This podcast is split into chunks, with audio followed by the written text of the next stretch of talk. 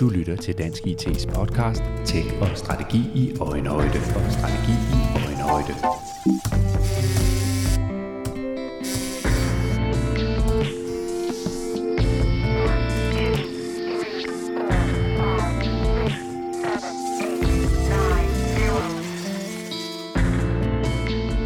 Mange danske virksomheder har svært ved at dæmme op for et stigende antal cyberangreb og cybertrusler.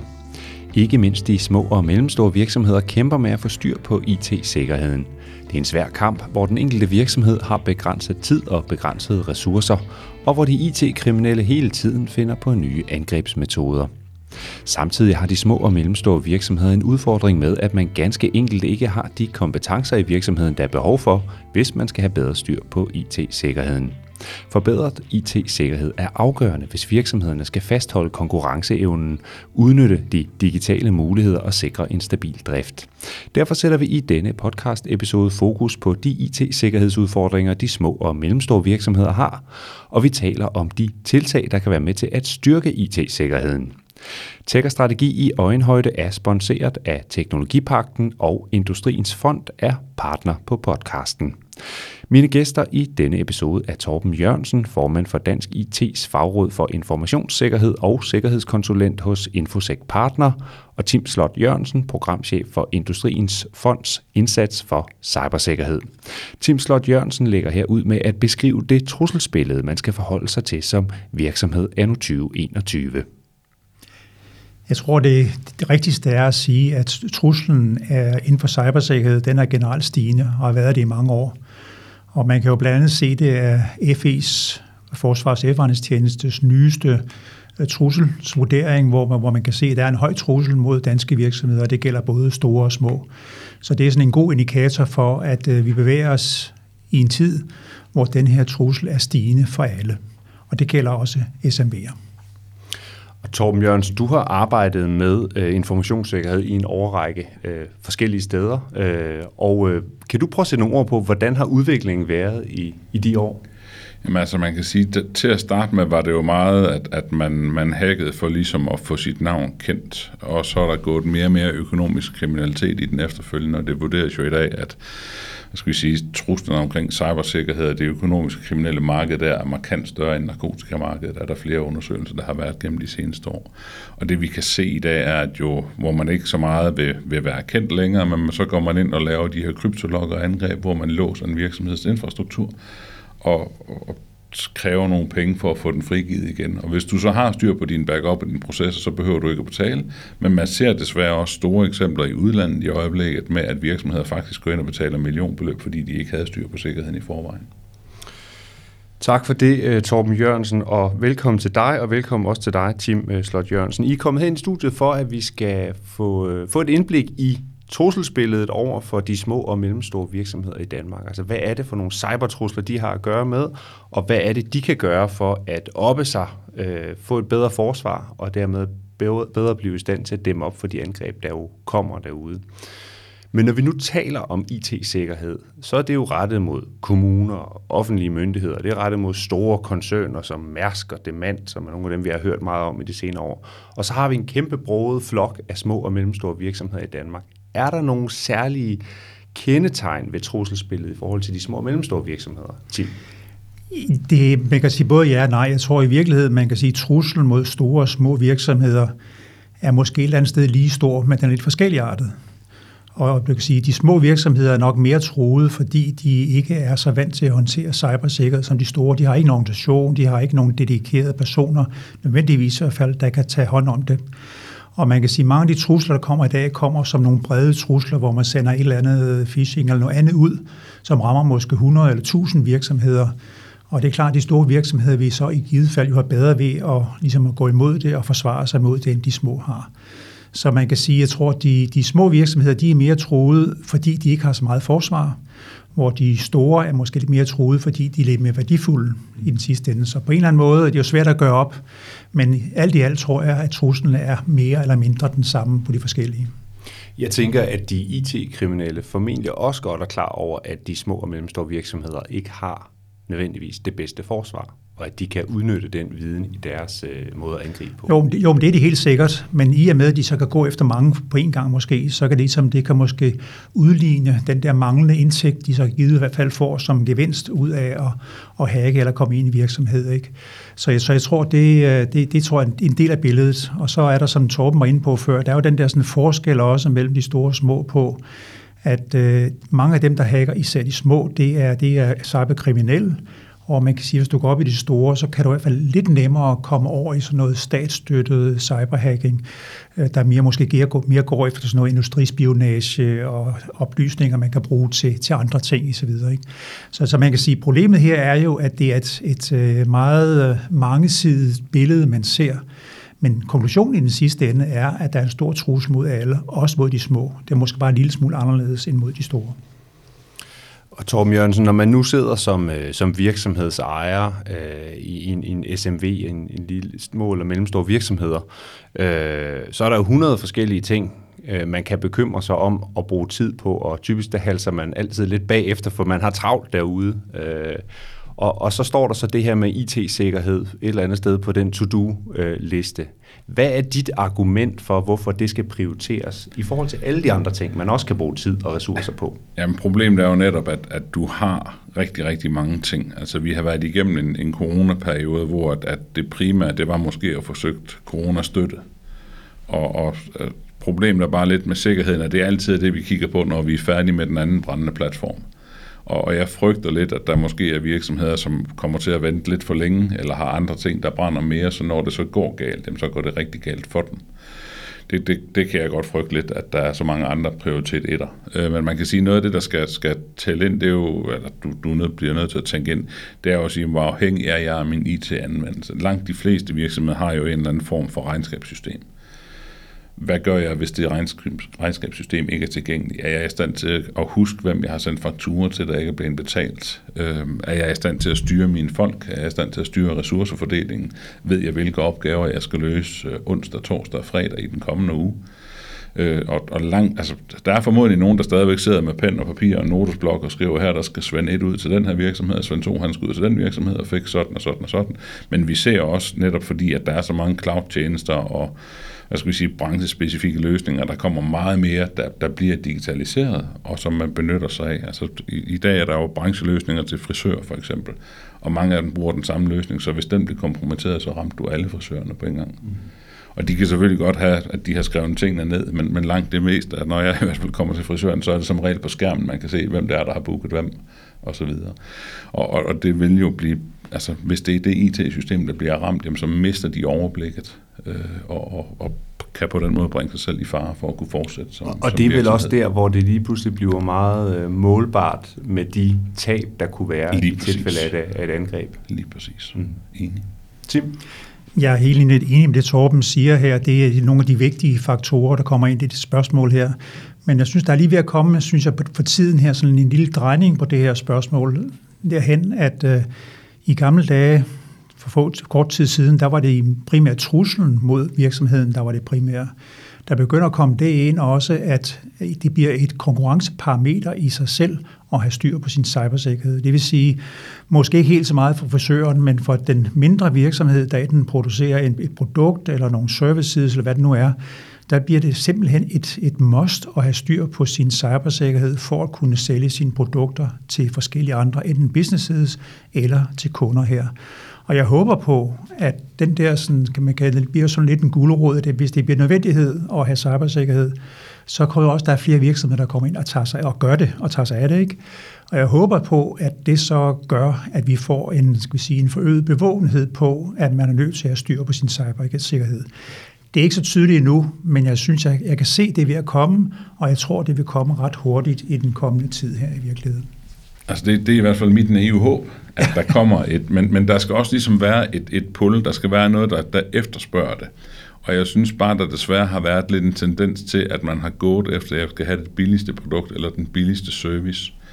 Og hvor, hvor at, at konkurrenceparametren på cybersikkerhedsdelen ikke rigtig har været øh, så, så markant. Øh, og, og øh, nogle af de virksomheder, jeg hjælper og har hjulpet tidligere, har, har netop også, jamen, hvem er det, der skal betale? Fordi hvis kunderne ikke er villige til at betale ekstra, og jeg så skal proppe sikkerheden, så går det ud over min bundlinje i sidste ende.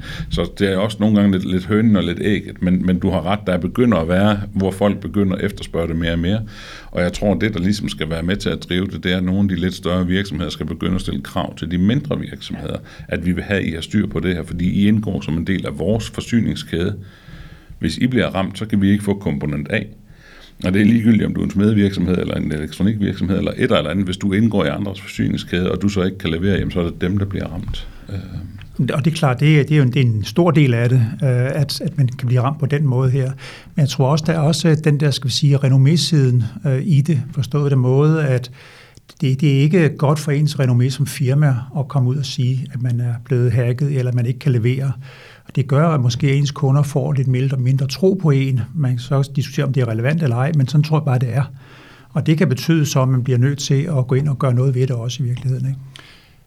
Man kan vel også sige, at der er sket noget i forhold til, at hvor man måske for år tilbage kunne foretage sådan en kalkuleret øh, risikovurdering, og så sige, at ah, risikoen er nok ikke så høj alligevel, så vi gambler lidt her, og lader være med at gøre noget, og så håber vi på, at den går. Så kan man sige, at i dag, der ved man, at man før eller siden bliver ramt af noget, øh, fordi det er ligesom bare en del af virkeligheden. Og det er man vel nødt til at forholde sig til og agere ud fra ja. som øh, virksomhed. Yep. Og i, i bund og grund er det jo så også en risikovurdering, som virksomhedsejeren foretager sig. Man kan sige, at, at de har jo så i forhold til øh, corona sagt, at den, den er lidt mere konkret og her og nu, så hvis ikke jeg har forsøgt min støtte kroner eller hvad det må være, jamen, så kan det have en effekt allerede i morgen eller næste måned. Og, og, og så igen, så, så har man lige prioriteret sikkerheden. Den, det bliver næste måned, vi kigger på det. Øhm, ja, det, desværre. Ja, jeg tror, det, altså, du, du er helt ret i, at det er først næste måned. Jeg tror også, fordi nogen kan sige, den erfaring, vi har i hvert fald haft med nogle af vores projekter, har været også, jamen hvis der ringer en kunde til et firma, så tager man hellere at snakke med ham om at sælge et eller andet, eller gøre et eller andet, men lige bruger den der halve time på at diskutere sin egen cybersikkerhed. Det kan så vente til i morgen eller til næste uge. Ikke? Og det er det, der har det, der været problemet. Men, men jeg synes bare, at jeg ser nogle tendenser til, at det begynder at være, som du også var inde på, nogle krav, især fra andre firmaer, til, til også de mindre firmaer som underleverandører, at nu skal de også have styr på den her sådan, side af business. Der er ingen tvivl om, at der er rigtig mange øh, ting, der taler for, at vi skal oppe os med IT-sikkerheden, både i de store og de små virksomheder og i den offentlige og den private sektor. Men nu har vi talt nok om alle de ting, man bør gøre. Nu skal vi prøve at kigge lidt på, hvad kan man så gøre? Øh, for hvis der nu sidder nogen derude og lytter med, og så har lidt ondt i maven og tænker, det er nok også, de taler om det, at vi kunne godt blive bedre. Øh, hvad gør man så? Hvor starter man henne? Tim? Ja, man, man kan jo starte med, at der findes jo ude på, på nettet og mange andre steder alle mulige former for gode råd, fem gode råd og ti gode råd, hvad det hedder, alle sammen øh, blandt det, det hedder Sikker Digital øh, Øh, hos Erhvervsstyrelsen er et sted, hvor man, man kan starte med at, at kigge på den slags ting og, og få styr på det allermest basale. Og så kan man sige, så derefter er der så en række andre ting, man så kan gøre. Men jeg tror, som Torben var inde på før, det første, man skal gøre som virksomhed måske, det er i virkeligheden at sige til sig selv, hvor er det, jeg er sårbar, eller hvilke systemer har jeg, som i virkeligheden er helt essentielle for, at min virksomhed kan fungere, og så starte der. For jeg tror, for mange små virksomheder, og små og mellemstore for den sags skyld også, de, de, har, de har svært at finde ud af, hvordan kommer jeg lige i gang? Og hvordan får jeg overskud? Hvad problemstillingen er, og hvor kompliceret er det egentlig? Og den sidste ende også, hvad koster det at få gjort det her? Sådan, alle de her spørgsmål, det er nogen, man ikke lige kan svare på, og så kommer man ikke rigtig i gang.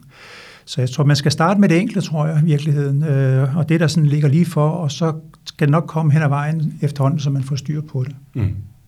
Men, men Torben, når du så er ude og være i kontakt med, med konkrete virksomheder, hvad er så din oplevelse af? Altså, hvor, hvor, hvor, hvor lang tid kræver det, hvor mange ressourcer kræver det for at komme derfra, hvor det hele det sejler, og vi har ikke styr på det, til at være et eller andet sted, hvor man har styr på i hvert fald det basale? Altså, det, det, det er en proces, og, og det kræver også, at der er noget commitment fra ledelsen. Man kan sige, at i det øjeblik, man, man hyrer mig ind, eller hyrer et, et andet konsulenthus ind, der har ledelsen i det mindste erkendt problemstillingen og sagt, at vi bliver også nødt til at gøre noget ved det. Men du har fuldstændig ret til, at det kan være en umådelig stor elefant, og man aner ikke, hvordan man skal komme i gang med at spise den. Fordi det er et komplekst område. Det kan godt være, at jeg er en sindssygt dygtig tømmer, men jeg ved måske ikke, og, og driver en, en, en virksomhed med 50 øh, ansatte, men derfor behøver behøver jeg ikke at være cybersikkerhed, øh, cybersikkerhedsekspert. Øh, så, så netop den der med, hvordan kommer du i gang? Og, og det er, som vi var inde på før, start lige med at identificere, hvad er det for kritiske systemer, som du er afhængig af, og så start med at kigge på sikkerheden på dem. Og det kan nogle gange godt være en relativt simpel indsats med, at du kan bruge en uges tid eller to på at komme ind og så forsikre det. Og det er jo sådan noget som at sikre, har du, har du patchet systemet, har du lagt de opdateringer på, der er fra leverandøren.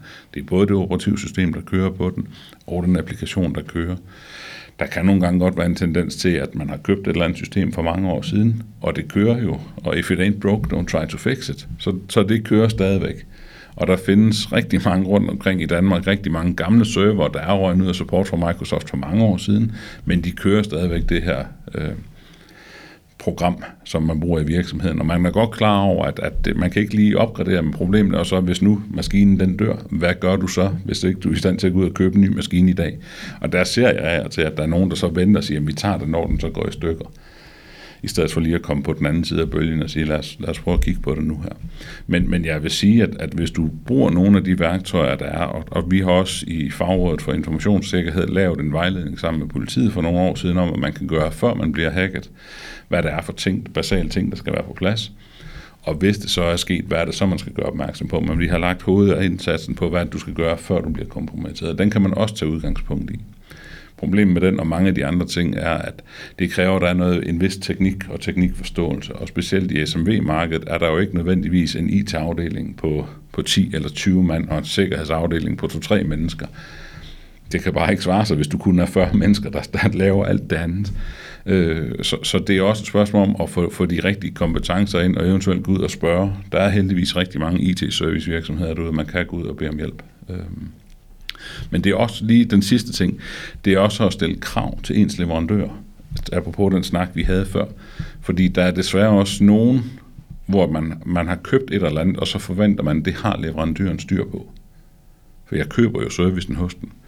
Men det kan godt være, at du har købt bronzepakken, hvor sikkerheden ikke er med, og du skal op i sølv- eller guldpakken, for at du får sikkerheden.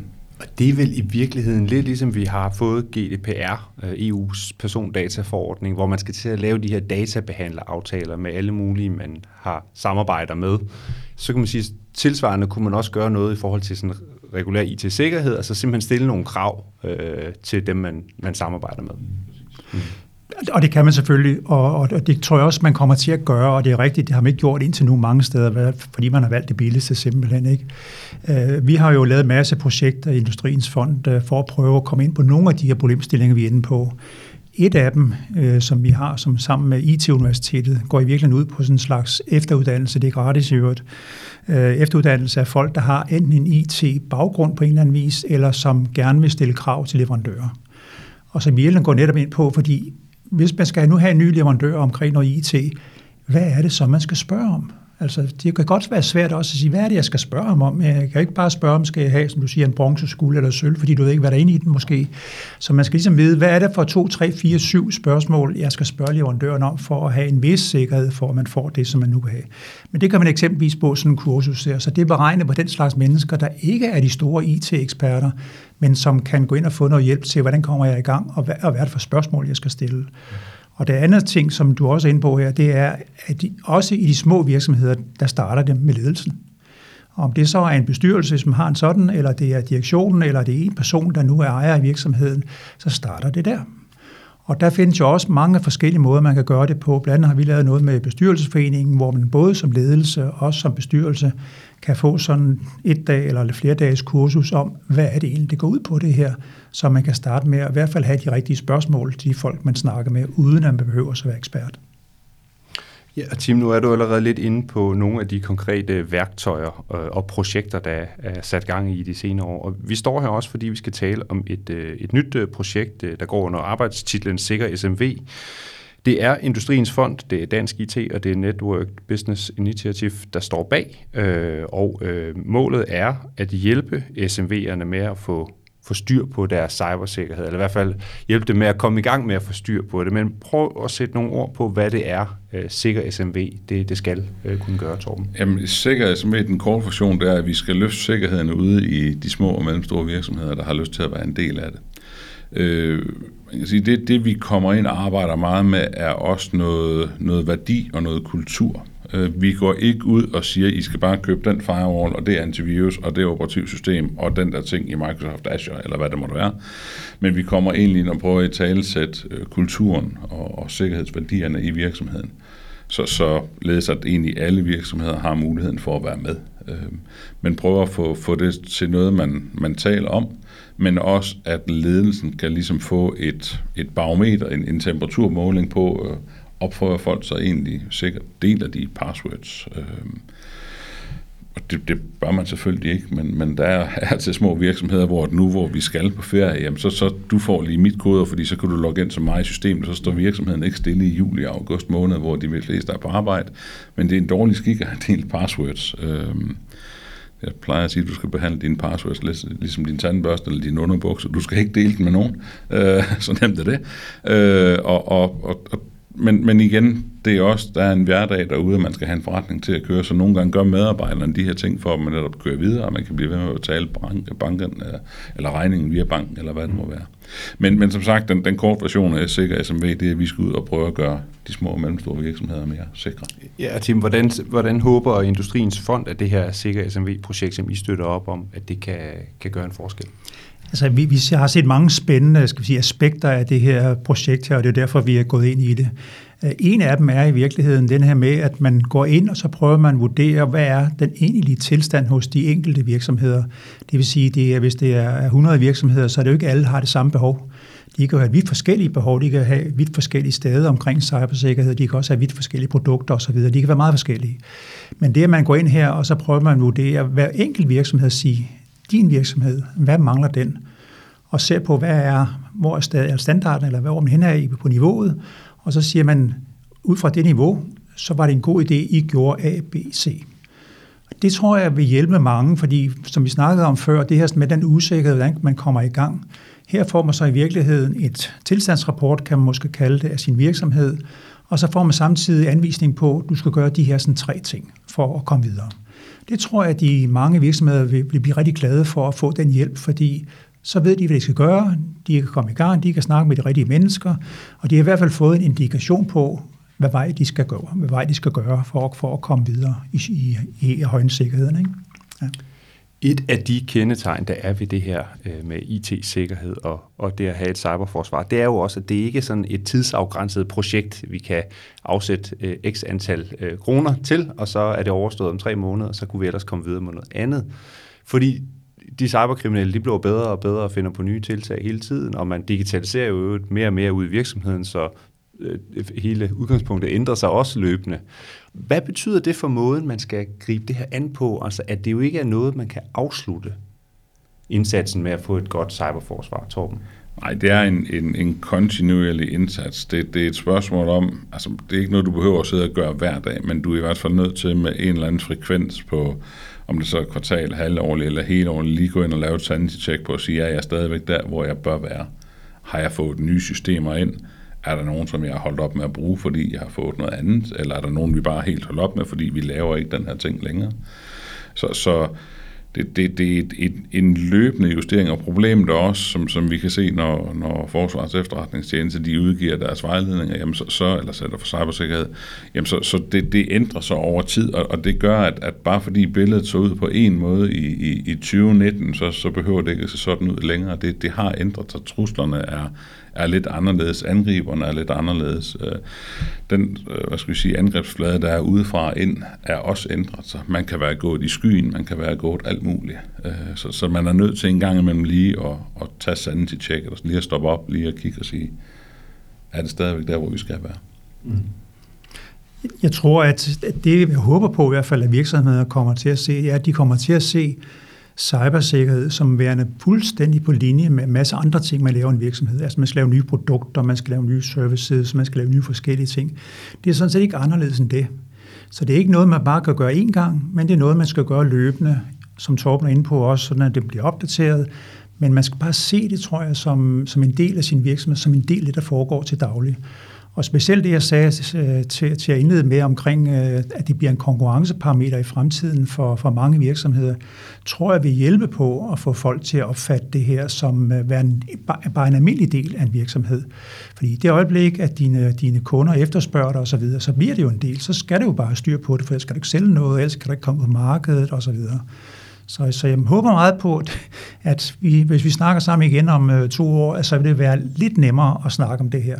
Jeg tror ikke, problemstillingen vil være mindre, men det kan måske være lidt nemmere at snakke om det, end det måske er i dag. For små og mellemstore virksomheder i hvert fald. Og, og mange steder vil man jo, øh, hvis man sidder og, og, og, og lytter til det her, og i øvrigt godt er opmærksom på, at der er et trusselsbillede, man skal forholde sig til, at man ikke helt er, er øh, nået langt nok i forhold til at beskytte sig, så vil man måske begynde at tænke i nogle strategier, eller nogle, øh, ja, noget, noget papir, der ligesom beskriver, hvad det er, vi vil.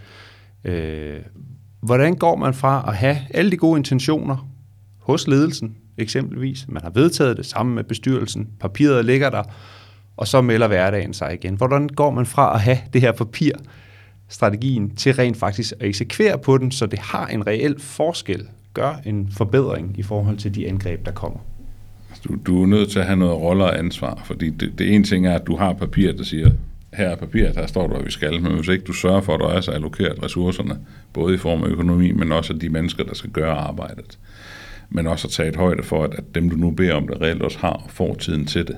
Øh, det er mit indtryk, og jeg kan sagtens tage fejl, men nogle gange så IT-opgaven i nogle af SMV'erne er blevet givet til Jørgen i citationstegn over i, øh, i økonomiafdelingen, fordi han er lidt færm til det der IT, så han er vores IT-mand, uden at Jørgen han nødvendigvis er hverken uddannet, øh, men, men han har lidt flere for det. Og det er meget så give ham opgaven og sige, du har jo stadigvæk dit økonomijob, men du skal også lige implementere det her cybersikkerhedsprojekt, eller program, eller hvad vi nu har kaldt det. Øh, hvis ikke man så frigiver ham fra nogle af de sædvanlige opgaver, så, så er der ikke tid til at gøre det, medmindre han er en virkelig ildsjæl og ikke har noget imod at lægge øh, 60 timer eller 70 timer om ugen i en periode for også at få det her op at køre. Øh, så, så jeg tror, et spørgsmål hen ad, eller et langt stykke hen ad vejen er det om at sørge for, at ressourcerne er allokeret og frigivet til at gøre det. Jeg tror langt hen ad vejen, at det med det her område, ligesom der er med så mange andre ting i en virksomhed, det er forholdsvis nemt at skrive et stykke papir om, hvad intentionen er, hvad man skal lave. Det, der er rigtig svært, det er at få gjort det i virkeligheden. Og derfor hænger det her også, som Torben siger, det hænger jo sammen med, at jamen, det er ledelsen, der dels bare laver papiret, men det er også ledelsen, der skal sørge for, at det bliver implementeret, og det bliver gjort i dagligdagen. Og her skal ledelsen simpelthen starte med at være et godt eksempel. Og jeg tror på meget på, at hvis ledelsen går ud og gør de ting, man nu siger, så vil det også brede sig i virksomheden. Selvfølgelig skal man så give folk tid også, men, men det starter med det gode eksempel, og det starter med, at man gør det, man siger, og ikke bare skriver et stykke papir. Ja, hvis vi skal blive i det her ting, det eksempel med Jørgen øh, fra økonomiafdelingen, så kan man sige, en ting er jo så, at, øh, at han måske kunne få noget kompetenceudvikling, der gjorde, at han var i stand til at håndtere opgaven, han kunne få tiden og ressourcerne til det. Noget andet er jo så, at han kan jo ikke gøre det alene. Øh, der skal jo selvfølgelig opbakning fra ledelsen, men der er jo også en organisation, altså alle de andre medarbejdere i virksomheden, som skal med på det her. Ja. Lige præcis, og man kan sige, det er derfor, vi har kulturvinkelen ind på, øh, på, på Sikker SME-initiativet, øh, netop for at sikre os, at det er noget, vi taler om, at, at vi også spørger hinanden, eller er, er gode til at påtale det over for hinanden. Altså på, på mange måder kunne jeg godt tænke mig, at, at, at sikkerhed var lidt eller det, jeg vil kalde safety, altså det fysiske arbejdsmiljø. At hvis vi ser en medarbejder, en kollega, der står på, på toppen af en meget vakkelvogn stige, at vi så går hen og siger, jeg synes ikke, du skulle stå der. Og også på samme måde, hvis vi ser nogen, der er i gang med at gøre et eller andet, så lige prikker den på skulderen og siger, jeg synes, det er rigtig dumt, du er i gang med at, til at downloade installere et eller andet skrammel.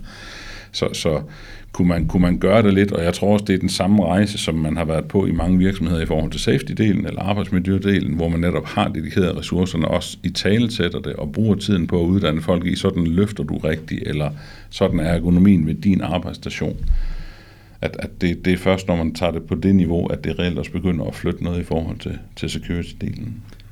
Jeg tror måske, det vigtige her er også at sige, at cybersikkerhed er ikke kun en IT-disciplin. Det er i virkeligheden en disciplin, der dækker hele virksomheden, ligesom så mange andre ting her. Og det skal man bare forstå. Så altså de virksomheder, der ender med at give Jørgen, som vi bruger som eksempel her nu, øh, alt ansvaret for cybersikkerhed, det må du klare, de kommer ikke til at løse problemstillingen. De er simpelthen nødt til at forstå, at det er en del af hele det at drive virksomhed i dag, det er at have styr på den her cybersikkerhed, fordi den kan ramme mange steder. Og derfor er det også etik og moral og alt muligt, jura for den sags skyld også. Så der er mange ting, der spiller ind i det her. Så det er ikke kun en IT-forståelse her. Og det er måske en af de store dilemmaer, vi har øh, i hele den her diskussion, vi har i dag. Det er, at alle opfatter det som værende en IT-disciplin, og det er det ikke. Det er meget bredere end det. Tim Slot Jørgensen og Torben Jørgensen, øh, vi øh, skal til at runde af. Vi har talt omkring øh, trusselspillet, vi har talt lidt omkring, hvor starter man henne, altså med at få styr på, hvad det er, er det egentlig, der er kritisk, og hvordan kan man så forbedre sikkerheden, hvad det angår, så man i hvert fald er i gang. Vi har talt om kulturforandringer, og, øh, og vi har talt om de her konkrete projekter og værktøjer, der heldigvis findes derude, og der kommer flere og flere af dem, så der er, i hvert fald er noget, man kan tage i brug, øh, også uden at det behøver at koste øh, noget. Nu skal vi til at runde af, og jeg kunne godt tænke mig at bede om at give jeres øh, bud på, hvor vi bevæger os hen i de kommende år, hvad angår IT-sikkerhed ude i SMV-laget, i de små og mellemstore virksomheder. Hvordan kommer det til at udvikle sig i de kommende år, og, og hvorfor tror I, øh, at det er det, der kommer til at ske? Torben? Altså, jeg tror for det første, at truslerne bliver der markant flere af. Øh, det er i dag desværre relativt nemt at være cyberkriminel. Og hvis du sidder i nogle lande, hvor det bliver ikke helt så, at der er ikke helt så meget politibevågenhed på det, så kan du godt sidde og putte dig lidt. Øh, men via internettet kan du angribe overalt. Øh, og så kan man sige, hvis der er strategi, den bare at så lang tid de angriber de små mål og ikke noget kritisk infrastruktur, jamen så kan de egentlig blive ved i, i lang tid. Øh, Øh, så, så jeg frygter lidt, at, at vi ser en, en opblomstring lidt, eller vi så de, de gamle uh, phishing mails, de her Kenya-breve, og hvad der ellers har været med min døde onkel og så videre. Jeg skal bare lige overføre nogle penge, så får jeg en masse millioner. At der begynder vi at se en, en øget brug af det her uh, ransomware.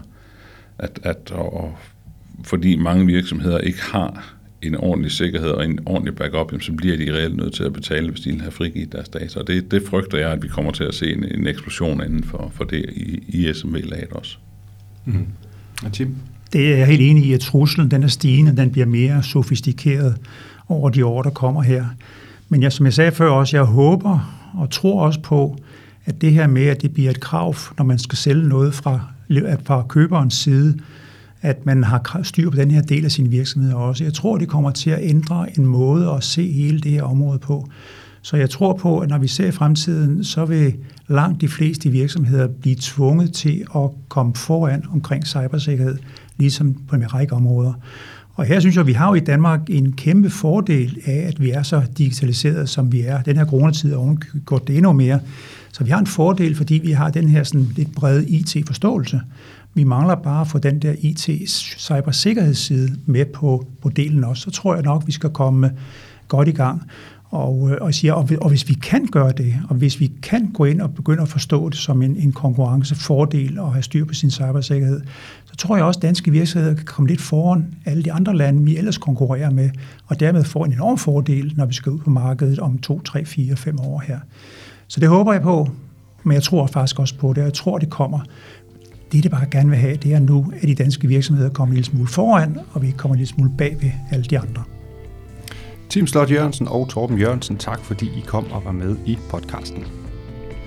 Og tak til jer lyttere, fordi I lyttede med. Øh, der ligger mange flere episoder om øh, IT-sikkerhed inde på øh, podcast.dit.dk. Også øh, episoder, hvor vi går meget konkret ned i, i de specifikke trusler og taler om, hvad kan man gøre ved det.